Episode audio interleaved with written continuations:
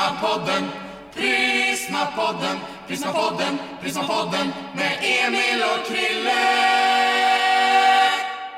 Hej och varmt välkomna till det tionde avsnittet av Prismapodden. Jag som pratar just nu, jag heter Emil Johansson och ikväll så är jag själv, Kristoffer är hemma sjuk och kan tyvärr inte medverka. Men vi får köra på ändå. Vi får hjälp med, av Mattias med tekniken. Så detta ska nog gå vägen i alla fall. I, I kvällens avsnitt så kommer vi att prata om ämnet helande. Och eh, detta är ett ämne som står mig nära till hjärtat.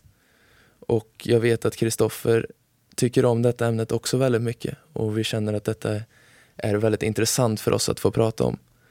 Så vi har tagit hit en gäst som vi känner passar väldigt bra till detta ämnet. Eh, hon är numera ungdomsledare eller ungdomspastor i eh, Skaras ungdomsarbete. Eh, så välkommen hit, Maria Forsström. Tack så mycket. Eh, hur känns det att få vara här? Jo, men det känns speciellt. Det känns eh, kul och lite nervöst och sådär.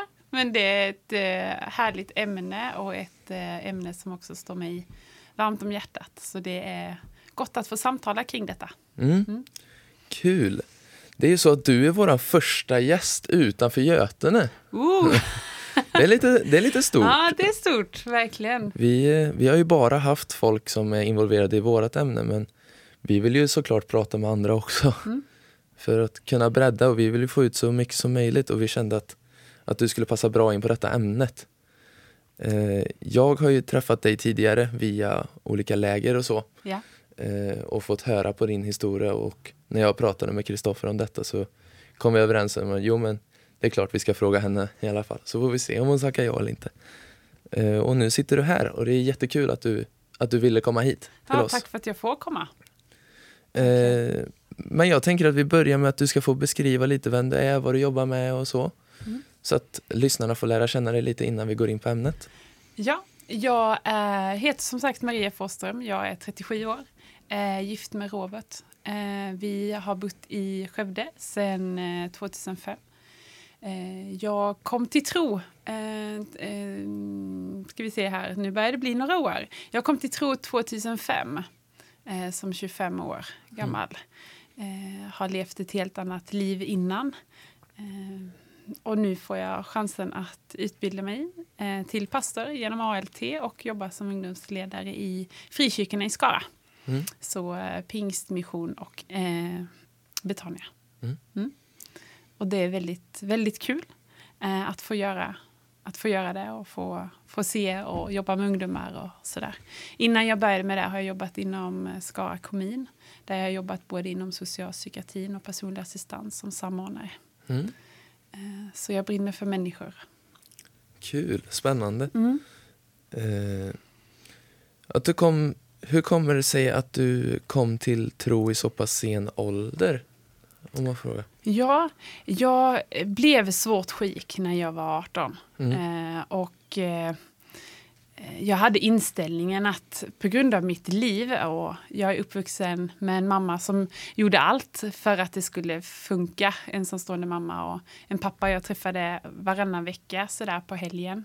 Eh, och de har gjort sitt yttersta, det har bara inte räckt. Mm. Eh, och eh, jag var rätt utsatt i skolan, mobbad och sådär. Och, levde under en tid med sexuella övergrepp. Så. Okay. Och eh, det gjorde att min inställning till livet när jag dessutom blev sjuk var att om Gud finns så är allt hans fel. Mm. Så uppe i Umeå som vi bodde då, jag flyttade från Skåne till Umeå eh, 98, mm. så eh, träffade jag en, när jag hade beslutat mig för att flytta därifrån, från Umeå till eh, Skövde, så eh, träffade jag en kille som skulle ta över mitt jobb. Mm. Och han hade inställningen att om Gud finns, eller han hade inställningen att Gud finns, ser du mm. inte det? Och jag, vi krockade ju ganska mycket där med, med min inställning då att, att allt var hans fel om han fanns. Eh, och för Utto som han heter så var det så självklart att amen, Gud finns. Mm. Eh, och han gjorde det på något sätt så enkelt att även om jag berättade en, en del saker som liksom, för att beskriva önskan eller lidandet eller sådär, så kunde han ändå visa på att, men Guds omsorg och sådär. Mm. Så då blev det att jag följde med honom till en eh, ungdomsmöten, för det, jag, det var ju safe, för jag skulle ju ändå flytta. Ja. Så, så jag tänkte att ja, ja, han tjatar lite och jag kan väl hänga på för att han är en schysst kille. Liksom. Mm. Eh, och sen flyttade vi till, eh, till Skövde, jag och min man, och, eller min blivande man. Och då Eh, så kom han på en dag att hans eh, storebror kände några i Skövde. Mm. Och så ringer han till mig och så säger han, du, bara så du vet så uh, har jag ringt Erik och Ulrika och, och sagt att du vill följa med till kyrkan. Mm. Så hej då! Och så slängde han på luren. För för mig var det inte enkelt att gå till kyrkan. Jag har aldrig gått till kyrkan. Mm. För mig var det inte en, liksom en ska man säga, ett trappsteg eller en tröskel. Mm. För mig var det ett berg att besvika mm. som jag inte hade för avsikt att bestiga. Nej, så. Eh, men när Erik ringde så sitter jag där med telefonen i handen och tänker om jag ska svara eller inte. Mm.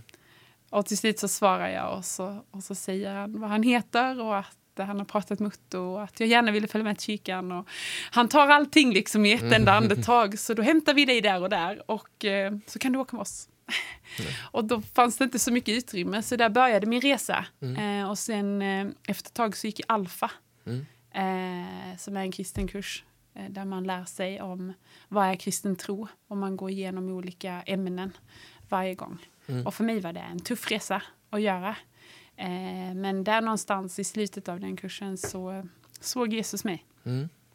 Eh, så där började min min vandring med honom att kunna säga ja till honom. Ja. Så jag döptes november 2005. Vilken speciell start. Ja. Kul att höra.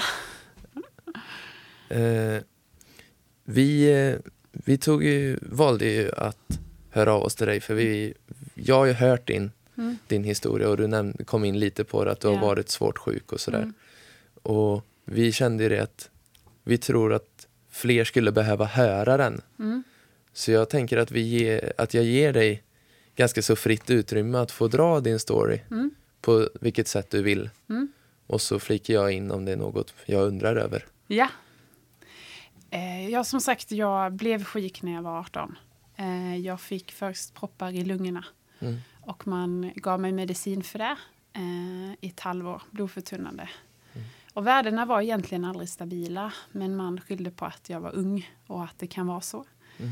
Jag slutade med medicinen, flyttade från Kristianstad i Skåne upp till Umeå i norr. Mm.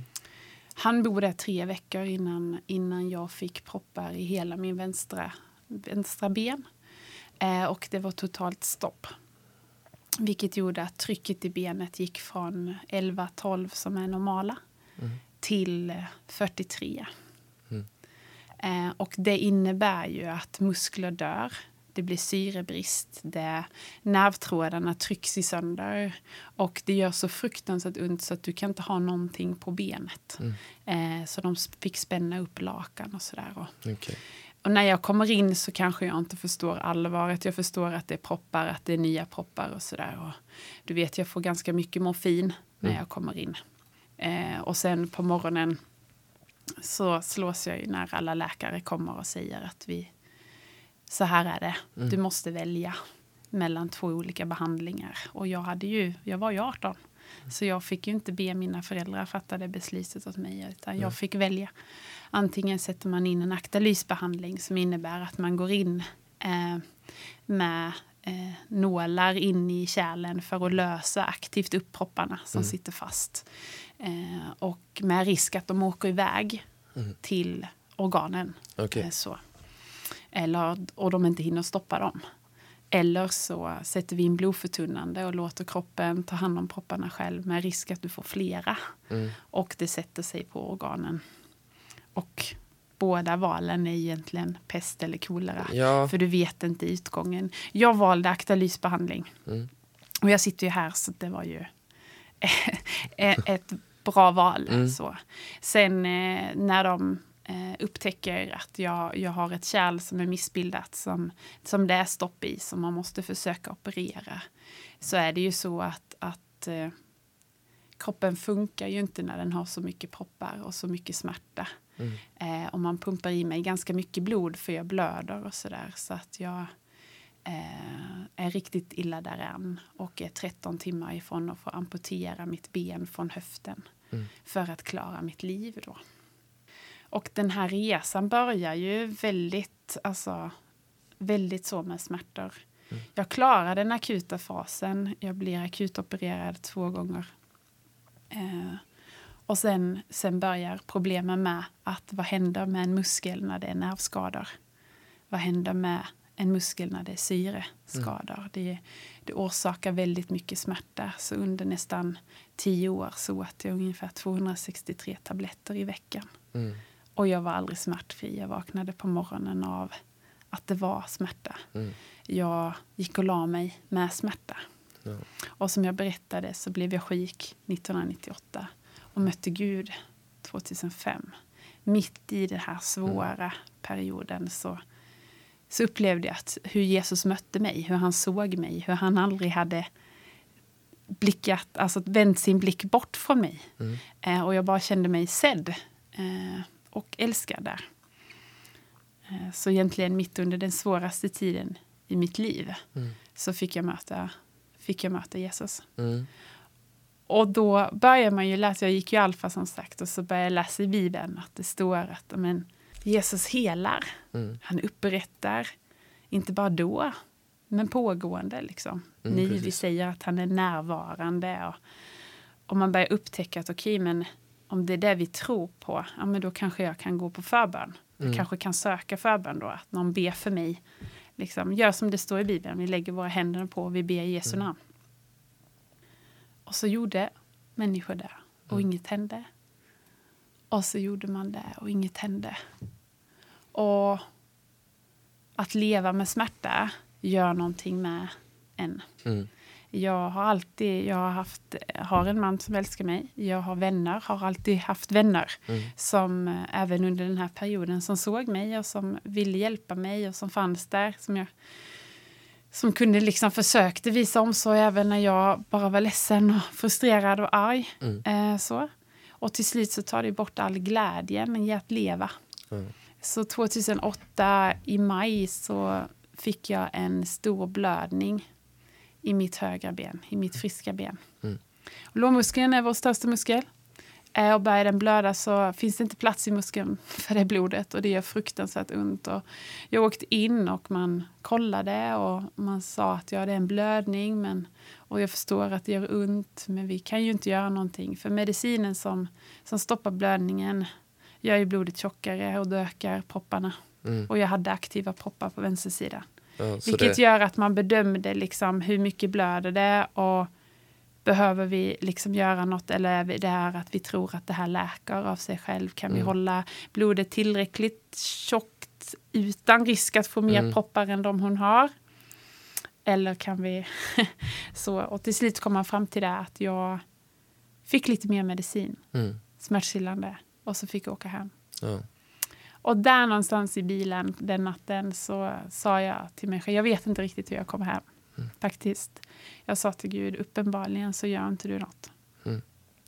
Eh, och jag bestämde mig, jag satte ett datum i, i mitt huvud. Jag vet inte hur jag kom hem, jag tänkte att nu tar jag en vänstersväng. Mm. Nu kör jag av, nu kör jag, tar en lastbil eller något. Mm. Eh, och gör slut på det. Men kom hem, parkerade bilen, satt med min man och försökte trösta honom. och eh, sa att det ska nog ordna sig. Mm. Vi går och lägger oss och jag går upp efter en stund. Och så bestämmer jag mig för att det datumet, ett visst datum, så längre fram så tar jag livet av mig. Mm. Det här går inte, jag gör inte det här en gång till, jag orkar inte. Eh, nu har jag inte ens något friskt ben. Och det fanns liksom ingen glädje kvar. Eh, uppenbarligen så gjorde inte Gud något. Nej. Eh, för det som hände, hände mig var ju att jag, jag blev besviken för att inget hände. Så att jag, jag slutade söka förbön. Alla som Mm. visste att jag var sjuk och mina vänner så där, de frågade alltid, får vi be för dig? Liksom. Och, och det fick de. Mm. Alltid. Men jag slutade söka det själv. ja, precis. Jag åkte till Nyhem som är pingst eh, stora sommarkonferens eh, den sommaren. Och det var för att jag inte ville vara själv. Mm. Min man jobbade rätt mycket då och, Och jag ville bara inte vara själv för jag hade ju satt ett datum längre fram och jag litade inte riktigt på att det skulle hålla till mm. dess. Liksom. Och jag går på ett seminarium som handlade om det här med att be för sjuka, hur gör man och varför typ. Mm. eh, och eh, de gav, delade så här kunskapens ord där de hade lyssnat in eh, och försökte förmedla det genom olika sjukdomar, olika profetiska hälsningar till, till, vad de, till de som satt i samlingen eh, om helande och läkedom. Så. Mm. Inget var direkt till mig, men de öppnade upp förbönsplatsen för alla som ville ha förbön. Och, och jag gick fram med lite övertalning från mm, vänner på varsin sida mm. av mig. Så. Eh, och jag var nog ganska krass, du vet, mm. så här. Ja, så här är det. Jag har ont, si och så här ont har jag och eh, ja, du får väl be. Mm. Så jag kan ju tycka i efterhand lite synd om den här förbedjan, för ja. jag var inte så där check. Utan jag var mer så här, ja, du får väl göra det. Liksom. Eh, jag har tänkt nu i efterhand att det var, det var ändå steg av tro, för mm. jag gjorde det. Ja, Även om det inte kändes så, så mm. gjorde jag det. Och ibland är det kanske, vi behöver tänka bort känslorna mm. ibland och bara göra. Eh, och så bad hon. Och så hände inget. Och så bad hon och så hände inget. Och sen så säger hon, du jag påminns om en bibeltext och jag vill ge den till dig. Och den står i Lukas 18. Mm. Den första delen där, 1-8 ungefär. Om änkan och domaren. Och om jag nu bara säger ungefär vad det står så är det en, en rättfärdig änka som går till en orättfärdig domare och kräver, tjatar hål i huvudet på honom. Och till slut så ger han med sig och ger det som är hennes. Mm. Och så står det, och hur mycket mer ska inte Gud ge till dem som söker honom? Mm. Och jag kan inte säga mer än att jag kände att Gud var där. Att det var, det var inte hon som sa det, Nej. utan det var Gud som sa det. Och återigen så kände jag mig sedd mm. eh, där. Jag hade väldigt ont. Det var ingen skillnad i smärtläget om man säger i min kropp eller i min mentala hälsa. Liksom. Mm. Men det, gjorde, det kändes som att han var där. Mm. Och vi går vidare till, det var ett kvällsmöte där på kvällen lite senare. Eh, och det var sista året med tältet. Nu är det ju en hall mm, som står där. Men det var sista året med tältet. Och jag har aldrig kunnat, sen jag kom till tro, aldrig kunnat stå upp i lovsången. Mm. För blodet går ner, men inte upp. Kärlen okay. har varit så skadade så att det blir ett sånt här enormt tryck i höften. Mm. Eh, så det, och det gör ju fruktansvärt ont. Det känns som eld och knivar och så där i benet. Så jag har alltid fått flytta, liksom gå runt eller flytta eller lägga upp benet eller sätta mig mm. ner. Och så upptäckte jag att jag kunde stå upp mm. i, i lovsången och det höga trycket var inte där. Jag hade fortfarande väldigt ont men det höga trycket var inte där. Mm. Och jag tänkte det var konstigt. jag kan inte ens säga att jag tyckte det var bra utan mer att det var konst, mm. en konstig känsla. Så här, åh, jag kan stå här och faktiskt fokusera på texten på väggen. Mm. Jag kan sjunga med utan att behöva flytta mig. Hmm. Konstig känsla. Ja. Så, eh, när man har glömt bort mm, hur det precis. är att inte ha ont. Eh, och sen eh, går det någon dag så är det ett sånt seminarium till. Mm. Med samma person som leder eh, det, det seminariet som första dagen. Då. Mm. Och eh, då sa han i slutet där på första träffen att om det är så att Gud gör något Kom och berätta. Mm. För att uppmuntra det lilla, det stora, vad som helst. Men om du upplever att Gud talar till dig, så kom tillbaka om du har möjlighet. Eh, så jag går tillbaka och så säger jag egentligen bara kort att ja, det kändes verkligen som att Gud såg mig. Eh, mm. så. Och så frågar de ju, har du fortfarande ont? Ja, jag har jätteont. Så. Eh, men för mig så hade, var det så betydelsefullt att ha blivit sedd. Mm. Så för mig betyder det jättemycket. Ja. Bara den delen liksom.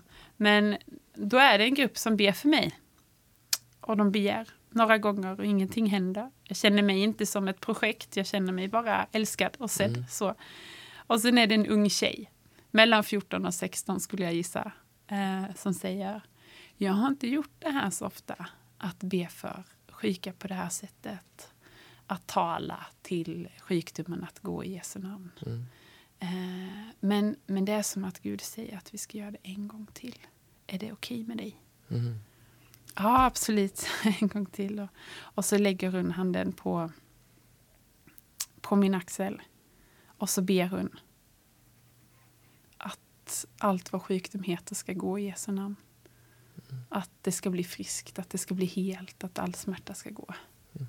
Och det är som en öppen himmel över mig. För helt plötsligt så, så sköljs jag av att, eh, att jag kan ta ett djupt andetag. Mm. Och det är futtigt när jag försöker beskriva det. Eh, jag kan jag kan ta ett djupt andetag. Ärren i lungorna känns inte där längre.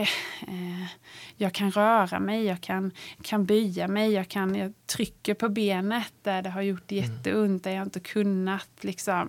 Jag trycker och håller och tänker att amen, liksom konstigt. Mm. Eh, och jag ställer mig på, eh, det är en trappa upp till en lägergård mm. på Nyhem. Och det är sju trappsteg tror jag. Och jag väljer att ställa mig och hoppa där. Mm. Ett steg i taget. Och jag tror jag stod där i över 20 minuter och hoppar. Mm. Och det enda jag tänker är nu gör det ont. Nu kommer det göra ont. Mm. Nu kommer det göra ont. Nu kommer det göra ont. Hej hej på de som gick förbi. Nu kommer det göra ont. Nu kommer det ont. Det tar ungefär 20 minuter innan jag fattar, eller min hjärna fattar, mm. att det kanske inte kommer göra ont. No. För den känslan när man har burit på, på svår smärta i över tio år och det finns ju säkert de som lyssnar som, som lever med det ni och mm. har levt med det ännu längre än vad jag har gjort. Eh, det gör ju någonting med en när, när det tar bort, tas bort. Det känns ju bra. Konstigt, mm. men jättebra. Ja. Och, och sådär. Och jag vet att jag, jag sprang upp för backen som är på nyhetsområdet som hade varit min så här pina mm. från det jag kom. För jag tänkte, det gjorde så fruktansvärt ont så när jag väl kom upp för den så ville jag ju bara gå tillbaka och lägga mm. mig där jag kom ifrån. Så det har varit min så här, så helt plötsligt kunde jag gå upp för den och så bara stå längst upp och tänka, ha! Det gick! Ja. liksom utan smärta. Eh, och när jag kom hem den, den efter niohundsveckan så var ju mitt ben 8 centimeter mindre i omkrets än vad det var när jag åkte dit. Okay. Eh, och det är ju, det är ju häftigt. Mm. Eh, när det benet har varit så, när vänsterbenet har varit så mycket större. Mm. Jag gjorde eh, undersökningar. Eh, det tog ungefär två år totalt sett att göra alla undersökningar efter. Men jag har inga nervskador längre. Man hittar inte det. Mm. Muskelskadorna som man såg på röntgen innan, de, de, de är borta. Och jag har inga skador i lungorna. Nej. Och jag är lika stark i min vänstersida som jag är i min högersida. Eh, och det var jag inte innan. Eh, och så det är ju fantastiskt. Ja, eh, det är verkligen fantastiskt. Och det är ju, det är ju, för mig blir helandet större för varje dag som går, mm. för varje år som går. För att jag får vara med. Ja, exakt. Eh, Tacksamheten bara växer. Ja, men den gör ju det. Mm. Den gör ju det. Och, eh, och, och jag vet ju vem jag är. Mm. Jag vet den bristen i mitt liv. Eh, så jag vet ju att, att Gud helade mig beror inte på mig mm. utan beror på vem han är. Mm. Så kan han hela mig, så kan och vill han hela mig så vill han göra det med alla. Exakt. Eh, så det är väl min... Det min resa. Mm. Eh, så med vad som... Liksom, där jag fick möta Guds helande ja. första gången. Mm. Ja, det, är, det är helt jag tycker fortfarande att det är helt galet historia. På det, det är ju helt galet. Ja. Det, det, är ju sånt man bara hör om. Alltså det är ju en sak för mig som, ja. som har fått uppleva det och som kan vara ett levande bevis för människor mm. som har sett mig på vägen och vet hur dålig jag har varit. Ja, men hur och, reagerar dina vänner när du kom hem till exempel? Ja, min man var och inte troende då. Nej. Nej. Eh, utan väldigt mycket ateist. Mm. väldigt, väldigt mycket ja. ateist. Och han, han eh, liksom, vi mätte ju benet. Och han bara, det här är helt, det här är bara skumt. Liksom. Ja. Det är ju åtta centimeter mindre. Och både eh, Robban och hans pappa, mm. eh, ja, jag tror att varje dag under ett par månaders tid så frågade de, gör du ont nu? Mm. Har du ont nu? det tog lite längre tid för dem ja, att förstå att jag inte hade det. Mm. Eh, så så att det... Jo, jag, jag, kan verkligen, jag kan verkligen förstå mig på deras situation. Mm. För jag kom till tro genom ett helande. Mm. eh, mitt knä blev helat på, under ett eh, skidläger Ja. för fem år sedan drygt nu. Ja. Och jag hade ju ingen tro innan och ingen familj som Nej. i familj så på det sättet. Och vi hade aldrig pratat. Så det, det var ju sån chock när det kom också. Ja. Så man, man, det var inte den här... Först så, man blev bara stum. Man Mm. bara fattar inte, men varför gör det inte ont? Liksom, vad har jag gjort för att förtjäna det här? Ja. Eh, jag har aldrig gått i kyrkan, jag har aldrig öppnat en bibel knappt, jag gick konfirmation, men Mm. det gjorde man för presenternas skull. Liksom. ja. Och, men det, och så helt plötsligt så bara kommer han och hjälper. Mm. Och det var så, det kändes så galet. ja. Och det är ju lite sån vår Gud är. Mm. Att han, han vill ju nå oss. Ja, Han precis. vill, han vill avslöja för oss vem han är. Mm. Eh, och när vi sträcker oss efter det så, så finns det en möjlighet. Sen, Ja. sen vet ju jag att vi lever i det här spänningsfältet, att Guds rike är här. Jesus talar om att Guds rike är här. Mm. I en engelsk, överstår det, engelsk översättning så står det att Guds rike är vid handen. Mm. Eh, och sen lever i spänningsfältet att Guds rike är här, men ännu inte full, Mm. fullt ut. Nej, För det är en brusten värld Mm. där eh, jag har ju förmånen att stå i tjänst Mm. på Nyhemsveckan Ny Ja, eh, som en av förbönsledarna som är ansvariga för förbönen på Nyhem. Mm. Och vi ser ju fler och fler helande, mm. eh, både till kroppen och till själen, till hjärtat. Mm. Eh, hur, hur Gud löser från ångest, hur, hur Gud läker kroppar. Mm. Eh, och vi ser också när det inte händer ja precis. eh, och få möta människor med, med kärlek och omsorg. Mm. Eh, och också förmedla den kärleken som Gud vill, vill att vi ska förmedla. Mm. Eh, för vi är hans barn. Ja, precis. Och det är han som har valt oss, inte vi honom. Eh, hur kom det sig att du eh, började, att du sen kom tillbaka till Nyhem då och gick in som i den ledarrollen som Ja, du sitter på? ja, det är intressant. Ehm, när jag blev eh, helad Mm. eh, så följde ju uppföljning, alltså de som hade hand om förbönen då, de följde ju upp. Mm. Så vi hade lite kontakt sådär. Eh, och så ställde jag lite frågor, att jag tyckte det här är intressant. Hur, hur lär man sig det här? Mm. Hur, hur lär man sig att be för sjuka? Hur, hur lär man sig att höra Guds röst för profetiska tilltal? Hur Mm. gör man det? Och, och John Derneborg som är pastor eh, och föreståndare i Pingst Vänersborg. Mm. Han bara, ah, men du kan väl följa med på en resa? En sån här teamresa. Mm. Så jag började följa med honom på en teamresa. Någon gång i månaden i början och, och liksom ibland lite mer sällan sådär. Men följa med ut när han reser runt eh, till församlingar. Eh, och då försöker jag försöka göra just det här att lyssna. Att Mm. få dela det man får på, på en öppen hand. Och med det menar jag att ja, men jag, jag tror att Gud säger detta Mm. eh, och jag delar det. Och jag uppmanar dig att pröva Mm. det, till exempel. Att, eh, att göra det på ett enkelt sätt så att man inte tvingar nå- någonting på en människa. Ja. Utan, för det är inte jag som ska vara, om ordet inte är till mig, utan Mm. att för mig att dela, så är det inte jag som ska vara 100% övertygad, utan du kan få rätten att pröva det. Mm. För är det så att det är Gud så vill ju han göra någonting i ditt liv Mm. och uppenbara kraften i det ordet och då behöver du pröva det och Mm. inte bara köpa. Ja, precis. Liksom. För då, man kan köpa ord sådär rakt av och då, ja men det var ju bra, men man prövar inte det. Mm. Och då kanske det inte heller är något man står på när livet blir lite tuffare. Ja, precis. Eh, så när jag började resa med honom eh, så var det egentligen eh, så jag kom in i förbundsteamet Mm. även på Nyhem. För han frågade om jag kunde vara med. Och så kom jag med i gruppen som hade ansvar och sen Mm. har det bytt lite runt och nu är Ja. jag en av dem som håller, håller ihop det. Mm. Mm.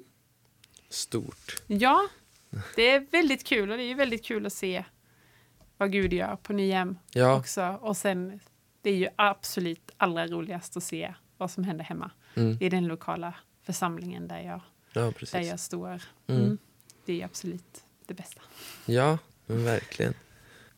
Har du något mer som du skulle vilja dela med dig av till, till de som lyssnar som du tror att detta kan vara bra för dem att höra? Nu mot slutet, det börjar gå mot slutet. Ja.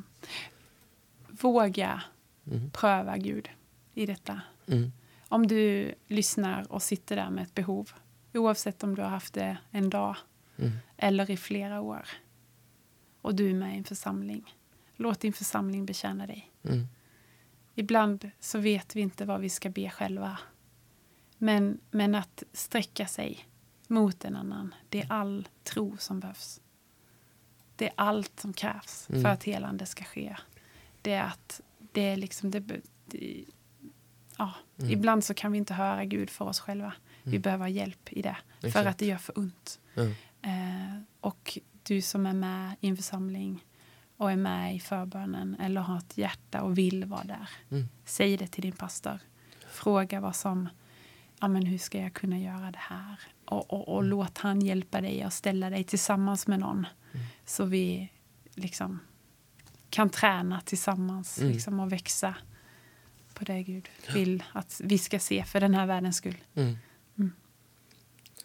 Ja, och jag lägger till det att om du som lyssnar är med oss i Götene så prata med antingen kanske mig eller så pratar du med någon av våra ungdomsledare om du känner att du har den här lilla du skulle vilja prova på detta med förbön.